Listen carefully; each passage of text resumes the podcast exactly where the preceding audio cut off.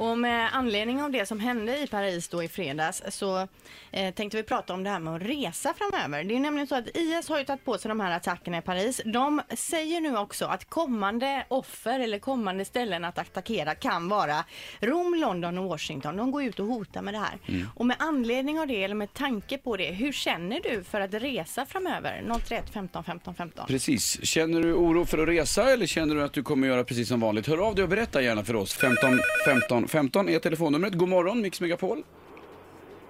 Ja, god morgon. Hej! Du, ja, berätta, hur känner du inför det här med att resa nu? Eh, Har, har det påverkat dig?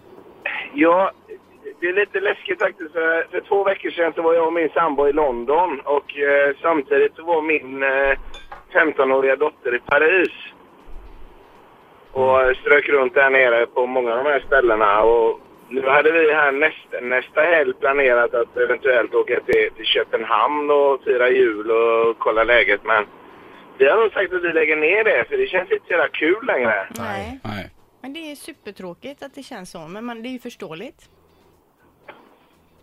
Du, du är lite mer restriktiv nu då Christian med ditt resande helt enkelt, eh, tack vare, eller på grund av allt som händer. Ja, absolut är man ju det faktiskt. Ja. Eh, nu reser jag en del i jobbet och flyger fram och tillbaka. Men det, varje gång man kliver in i ett flygplan och, och ska åka någonstans så tänker man ju på det här med allt som händer.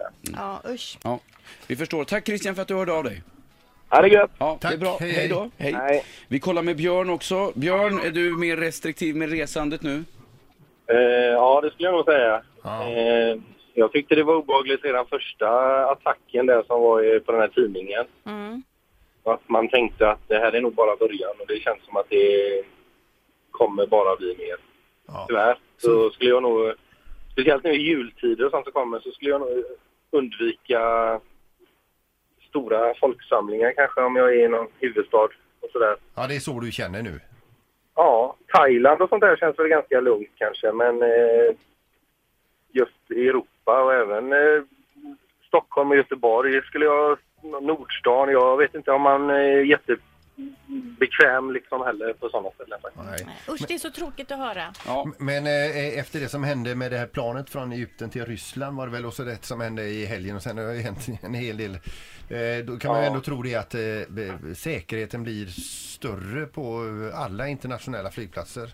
Ja, kan ju jo, jag tror inte själva just att flygplan kanske sprängs och sådär. Det är väl som i Egypten är det ju säkert in, folk som har jobbat på flygplatsen antagligen som är inblandade kan jag tänka mig i så fall. Men eh, eh, det är kanske inte just att flyga som är det obehagliga utan det är nog mer att Turistfällorna, de här kan, större. eh, Ja, det, Mm. det, är- det är ju samma här som var nu liksom. De hade ju koll på de här personerna men det går inte att stoppa ändå. Nej, det är ju helt omöjligt att stoppa liksom. Och är man inte rädd för att förlora sitt eget liv så är det ju...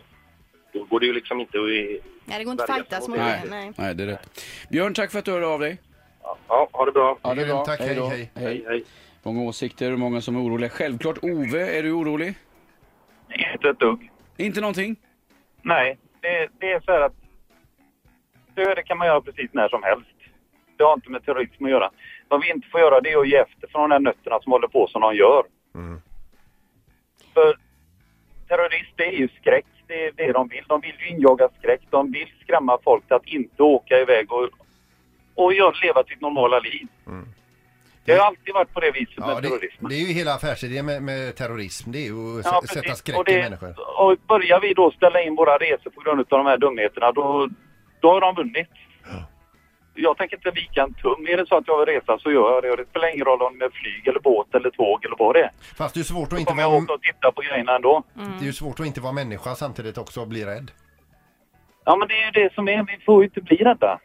Det, jag menar, du, du kan ju köra av vägen när du åker hem nu. Det är ju samma sak. Då ska du inte åka bil heller.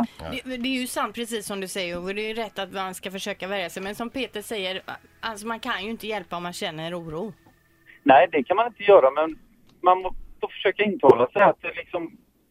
Vi, vi har haft värre grejer. Vi har haft Estonia, vi har haft Titanic. Det är liksom, då dör det ju hur mycket folk som helst. Vi har haft jordbävningar, Mm. tsunami. Och de här fjantarna som spränger folk då, de är ju liksom... De är inte ens värda att nämna. Jag tycker massmedia ska lägga ner och skriva om det mer eller mindre så att de inte får den publiciteten de får. Mm. Ove, vi är tacksamma för att du ringde och tar till oss Ja. din åsikt och så får du ha en, eh, en fortsatt bra dag. Jajamän, det ska, det ska ni också. Det är Bra, bra, tack så mycket. Hej Ove. Hej. Ett poddtips från Podplay. I fallen jag aldrig glömmer djupdyker Hasse Aro i arbetet bakom några av Sveriges mest uppseendeväckande brottsutredningar. Går vi in med hemlig telefonavlyssning och, och då upplever vi att vi får en total förändring av hans beteende. Vad är det som händer nu? Vem är det som läcker? Och så säger han att jag är kriminell, jag har varit kriminell i hela mitt liv men att mörda ett barn, där går min gräns. Nya säsongen av Fallen jag aldrig glömmer på Podplay.